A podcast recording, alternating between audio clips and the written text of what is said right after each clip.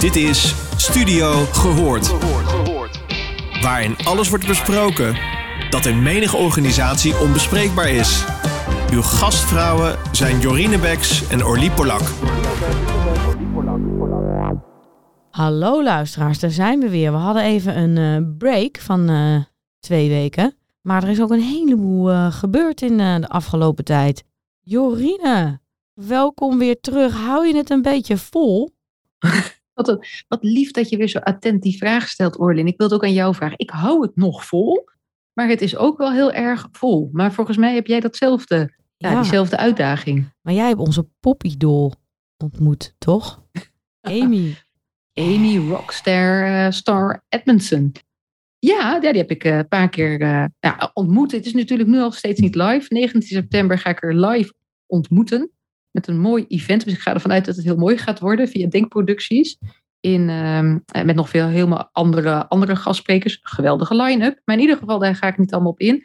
Ehm, ja, ik heb haar eh, gesproken eh, één op één. Naar aanleiding van vragen vanuit mijn nevenfunctie. Dat ik met zo'n ziekenhuis, met verschillende ziekenhuizen bezig ben. Met het uitzoeken van het onderzoek van psychologische veiligheid in ziekenhuizen. Dat doen zij met name. En ik zit er een beetje bij met mijn praktische bril. Eh, maar we hadden een aantal vragen die heb ik gesteld aan haar. En die maandag daarna was ze met een webinar voor denkproducties ter promotie natuurlijk van dat event op eh, 19 september. En hoe was dat? Heeft ze nog wat dingen gezegd van, jeetje, maar dat is echt een eye-opener, wat super gaaf. Ze heeft nieuwe bevindingen, nieuwe aanpakken. Nou, ehm, het is natuurlijk aan de ene kant heel veel hetzelfde, maar dat herken ik ook van mezelf. Op een gegeven moment denk ik, jemig, ga, ga ik weer? Ehm, eh, dus wat je wel merkt, is dat ze veel meer ook nu, het heeft natuurlijk over de uitdaging vanuit eh, hoe creëer je nou inclusiviteit. Eh, ze legt iets meer de nadruk over, op, op machtsverhouding. Dus ook natuurlijk niet allemaal heel baanbrekend nieuw. Wat ik eh, interessant vond vanuit het vraagstuk die ik met haar één op één had besproken, was hoe creëer je nou psychologische veiligheid in een team of nee, een afdeling van 120 verpleegkundigen bijvoorbeeld. Hoe doe je nou zoiets? Ehm, en waarbij ze zei van ja, weet je, je, je moet gewoon beginnen. Als iedereen begint, dan komt het goed. Eh, en de ene kant is natuurlijk hartstikke logisch en een open deur. Maar de andere kant dacht ik, oké, ze onderstreept nog wel weer extra het belang dat je zelf invloed hebt. Van hoe pak je dat nou op? Hè? Dus dat is wat ze heel erg nou eh, eh, ventileert. En een andere wat ik wel grappig vond, was ook hoe creëer je nou ook die psychologische veiligheid of leren. En zei ze, hoe meer verschillen je verzamelt, hoe meer je leert. En dat vond ik op zich wel een, een grappige, heel ook mega bijna gezond boerenverstand. Maar vanuit onderzoek, hoe meer verschillen je weet tussen verschillende ziekenhuizen in dit geval dan, hoe meer verschillende opties je verzamelt. En zoals je weet, ik ben dol op opties. Ehm, en aan de andere kant, wat je wel merkt, is eh, ze is ontiegelijk wijs qua inhoud. Ze is eh, heel inspirerend qua hoe ze het vertelt. Weet je, ook, ook online net zo goed. Is natuurlijk enorm goed ook in het verwoorden. Was niet voor niks de beste spreker in 2021, was ook uitgeroepen. Bij, eh, bij Denkproducties dan hoor, maar oké. Eh, maar het echt doen, dus het echt concretiseren, pragmatisch, klein, want leuk en aardig, maar 120 verpleegkundigen en dan moet je beginnen. Ja, dan ben je er natuurlijk niet, want je moet wel beginnen. En hoe doe je dat dan? Ja, hoe doe je dat? Jorine, jij doet dit. Maar vertel eens, hoe doe jij het? Serieus, hoe begin jij? Eh, ja, ik, begin eigenlijk zo klein mogelijk als zijnde van, en ook heel wel veel vanuit leiderschap. Van eh, het eerst, als, als je alleen al checkt met zijn we oké, dan ben je al begonnen met iets openbreken tussen haakjes. Is het oké of is het niet oké? Dat kan met een stelling, weet je, dat kan allemaal heel kleinschalig. Het kan, eh, dat is één ding. En de andere kant pleit ik altijd voor hele heldere kaders. Want soms denken mensen ook psychologische veiligheid, dat betekent dat je alles moet kunnen zeggen wat je wil zeggen. Maar dan kun je ook heel veel kapot maken. Daar hebben we het al een keer eerder over gehad. Hè? Vanuit emoties uiten. En als je dan te veel uit, maak je dingen ook kapot. En hoe heel je dan weer? Dus voor mij zijn die kaders heel erg van belang. En wat ik eigenlijk altijd zeg is, als je dan wilt beginnen, als die intentie er is, en je wilt die psychologische veiligheid verhogen in je team, bepaald moment in zo'n meeting, begin dan eens met het afstemmen van, oké, los van de check-in op hoe zit je erin vandaag of je energie. uh, vanuit hoe willen we samenwerken. Dus wat vinden wij van belang? En wat willen we deze meeting bereiken? En aan het eind dan weer die check-out. Uh, en zo kan ik nog veel meer dingen benoemen van hoe je kunt beginnen. Maar ik ben eigenlijk wel ontiegelijk geïnteresseerd in jouw visie erop. Want we hebben het ook heel vaak over. En ik heb af en toe het idee dat we die overslaan. Want jij hebt ook heel veel inzicht vanuit meer de sociologische, laat ik het zo noemen, oplossingen. Ja, voor, voor mij um, is de theorie van Amy Edmondson niet heel nieuw. Ze doet me heel erg denken aan uh, Irving Goffman. En die praat over face. En wat ik zo interessant vond aan face is dat hij ook heel erg cultureel bepaald is. Is in bepaalde culturen is het heel belangrijk om je gezicht te behouden. Dus gezichtsverlies is heel erg ja, sociaal ongewenst en ook heel kwetsend wordt het ervaren. En heel, soms wel traumatiserend wordt het ervaren. Kijk maar naar bepaalde Aziatische landen. Op het moment dat zij uh, gezichtsverlies lijden, dan willen ze het liefste uh, van de aardbodem verdwijnen. En dat doen ze ook. Uh, in Nederland hebben we wat minder feest. We zijn erg direct. Als er ons iets dwars zitten, dan, dan uiten we ons makkelijk. Uh, soms tot uh, dan weer beschadigingen bij onze zuidenburen. Hè. Die vinden dat dan weer heel kwetsend dat we zo uh, direct zijn. En binnen de sociologie zien wij dit eigenlijk als een sociaal construct. Het is een afspraak die er is, die heel erg cultureel afhankelijk is, die heel erg teamsafhankelijk is, die niemand uitspreekt, maar iedereen voelt. En iedereen heeft daar strategieën in. Iedereen past zich continu aan aan al die groepen. Wat kan ik hier wel zeggen? Wat kan ik hier niet zeggen? En dat is ook niet statisch, want dat beweegt mee. Want als er dan iets in die groep gebeurt, pas ik mijn strategie weer aan.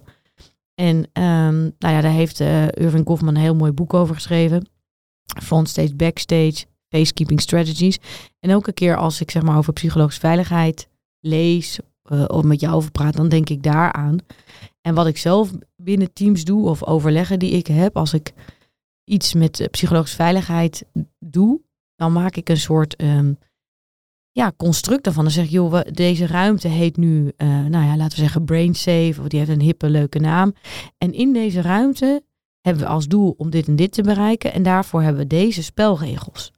We gaan nu dingen zeggen die misschien kwetsend zijn. Ik wil even met elkaar afspreken. Is het oké dat als je een creatief concept neerlegt en ik zeg, ik vind het niet mooi, of het past niet, of uh, het is helemaal niet wat we hadden verwacht, of nou ja, je, je kan altijd, uh, ja, cre creatie ligt altijd gevoelig, uh, iets zeggen wat, wat je niet prettig vindt.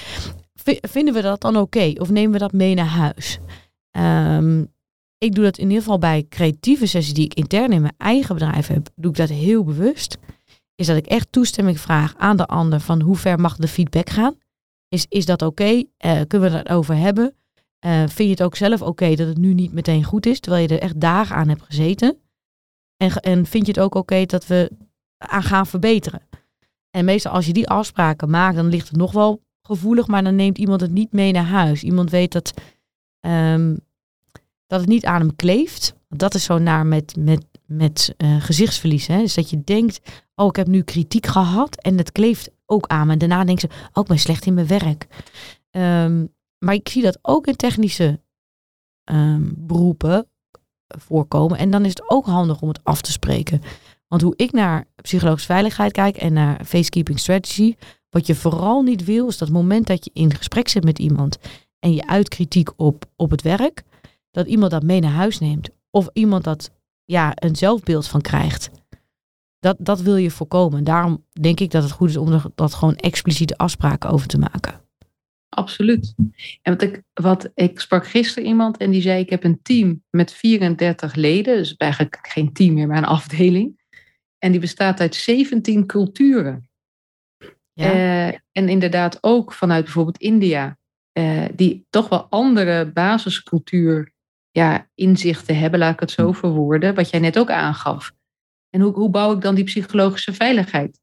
Uh, ik zeg ja, maar het is niet in beton gegoten. Het is dus niet één manier dat je het kunt afvinken. Psychologische veiligheid is bespreekbaar maken wat eerst onbespreekbaar lijkt of onder water. Precies wat jij zegt, dat je stemt af op die ander vanuit het idee dat, dat, je, dat je dat ook goed hebt, hè, dat afstemmen. En daardoor is ook bij het ene team voel je, heb je ook een ander gedrag dan in het andere team. En dat is ook interessant om eens voor jezelf te observeren. Wanneer vertoon ik welk gedrag?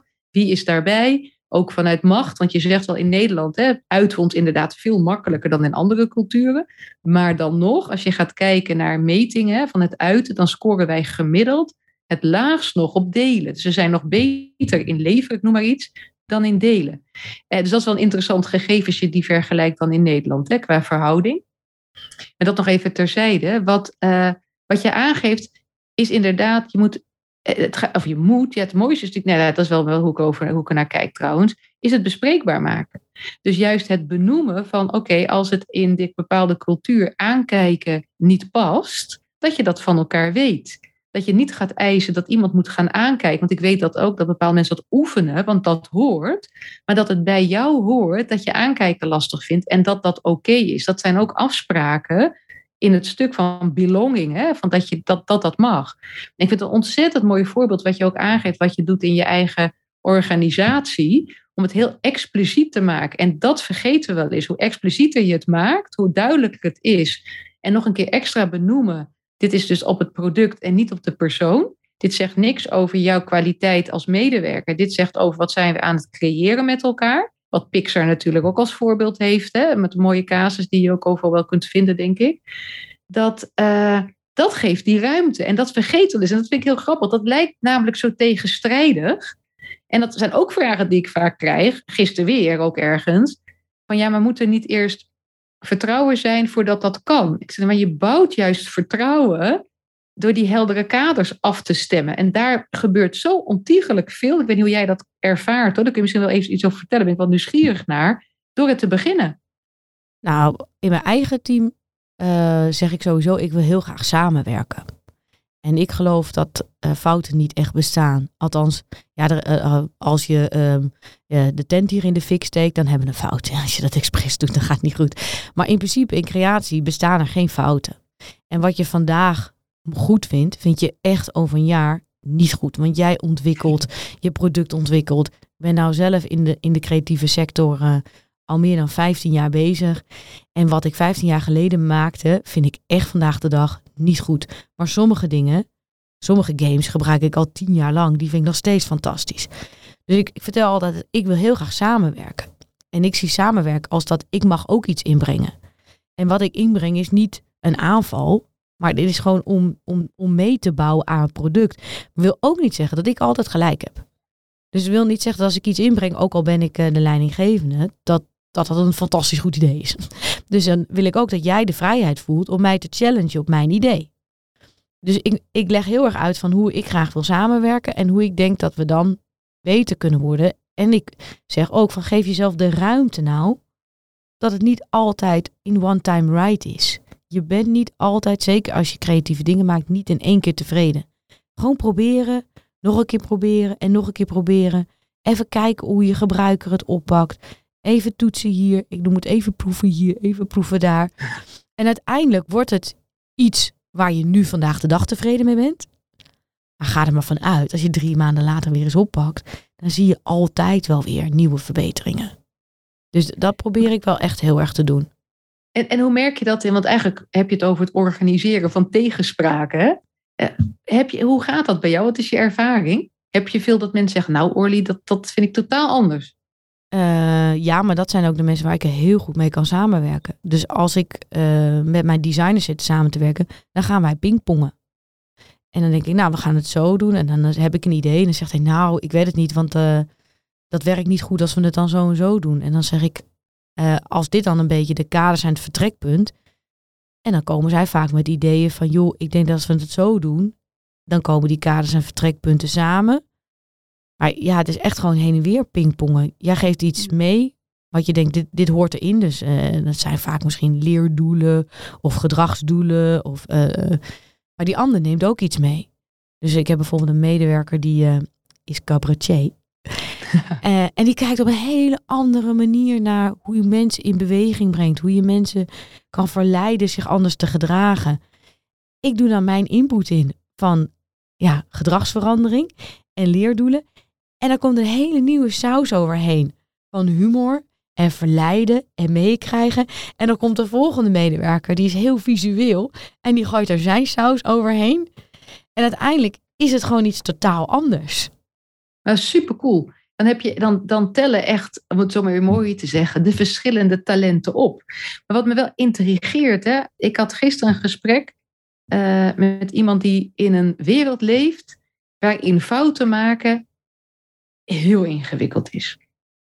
Uh, bijvoorbeeld, als je gaat kijken in, ik noem iets heel geks, in een ziekenhuis en je bent hartchirurg, mag je dan een fout maken.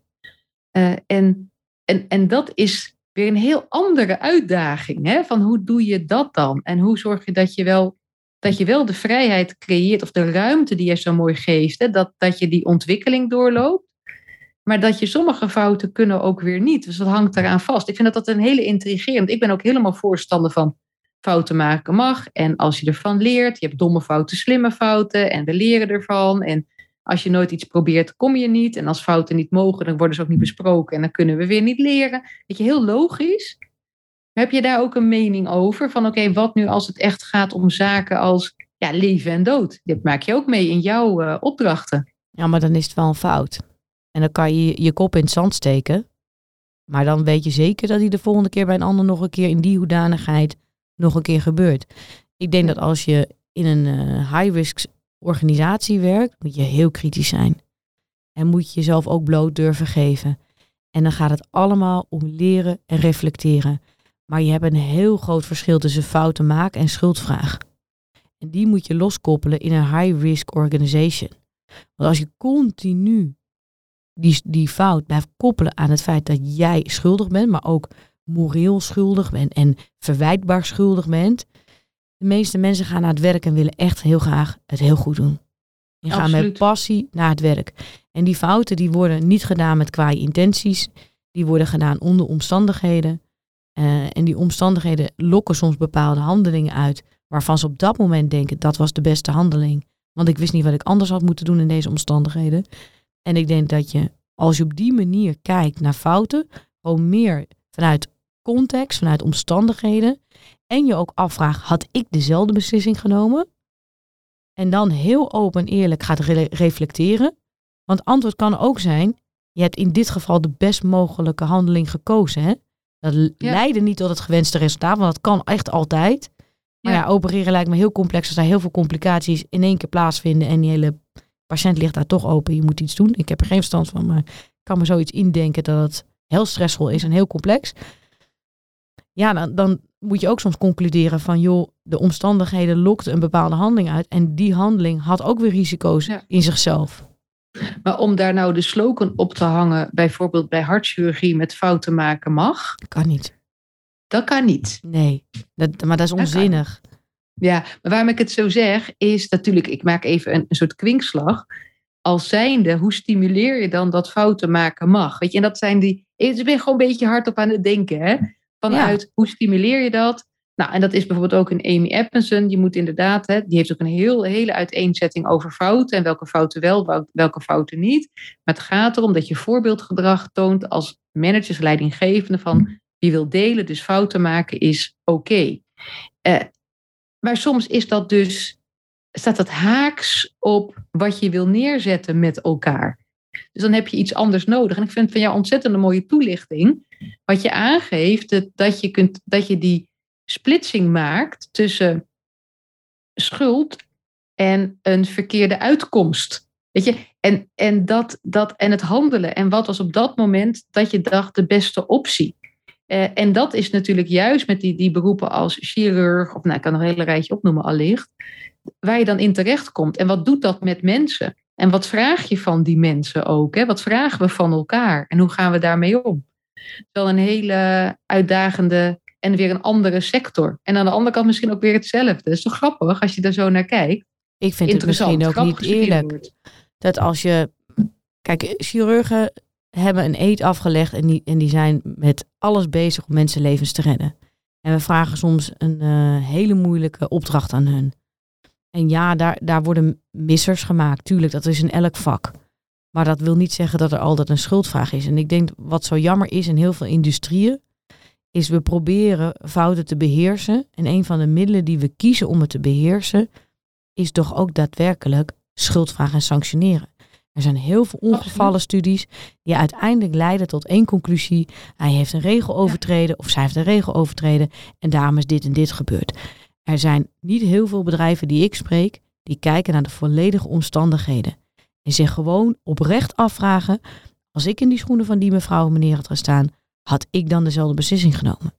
En moeten we dan nog praten over een fout? Ja, dat is dan ook heel lastig. Hè? Wat is dan de definitie van een fout?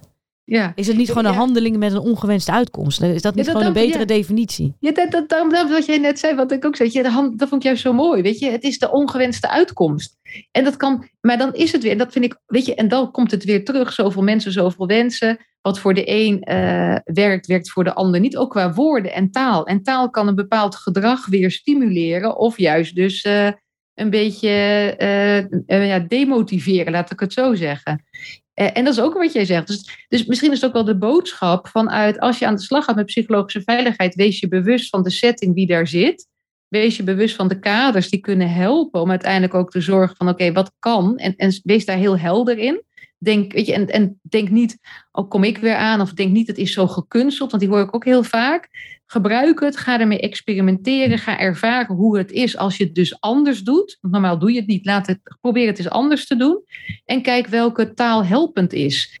En ik denk dat die, de ongewenste uitkomst, die klinkt als, oké, er zijn handelingen geweest, het is een bredere context en het is niet gegaan zoals je had, ha- had gewild dat het zou aflopen. En, en dan heb je in één keer een heel ander, allicht al een heel ander vertrekpunt die veel minder veroordelend klinkt. Ik vind het wel heel mooi als je er zo hardop over nadenkt waar je dan weer op uitkomt, toch? Helemaal mee eens. Vond ook wel weer een mooie podcast. Ga je nog wat leuks doen het weekend? Nou, ik zit te kijken naar de klok. Ik moet zo gaan, of ik moet niks, het mag. Het voelt wel een beetje als moeten. Gezellig met Madelief even shoppen. En voor nieuwe kleren uiteraard. En een cadeautje, want het is morgen een feestje. Ik ga lekker paard rijden en nog een keer paard rijden. En jij? Eh, ik ga vandaag proberen voor het eerst mijn eigen oester te openen. Ook wens je heel veel succes. Ik vind dat echt zo zielig. Ja, ik ook. Maar ik, ja, ik heb ze nou toch gekocht. Ik, ik vind ze heel lekker. Maar ik vond het ook zielig. Eh, en ehm, mijn zwager mag promoveren. Dus die geeft een pre-promotieborrel. Dat is wel Oh, leuk. wat cool. Ja, vind ik heel cool. Ja. En eh, ik ben sponsor van het lokale voetbalteam zondag. En eh, Ah. ik moet ze natuurlijk even komen aanmoedigen. Dus ik heb een, Oh, een vol agendaatje. Klinkt hartstikke goed. Nou, ik zou zeggen, geniet ervan. Fijn weekend. Jij ook. Doei. Dankjewel. Doei. Je luisterde naar Studio Gehoord. Vond je dit een leuke podcast? Laat dan een review achter bij jouw favoriete podcastplatform. Tot de volgende!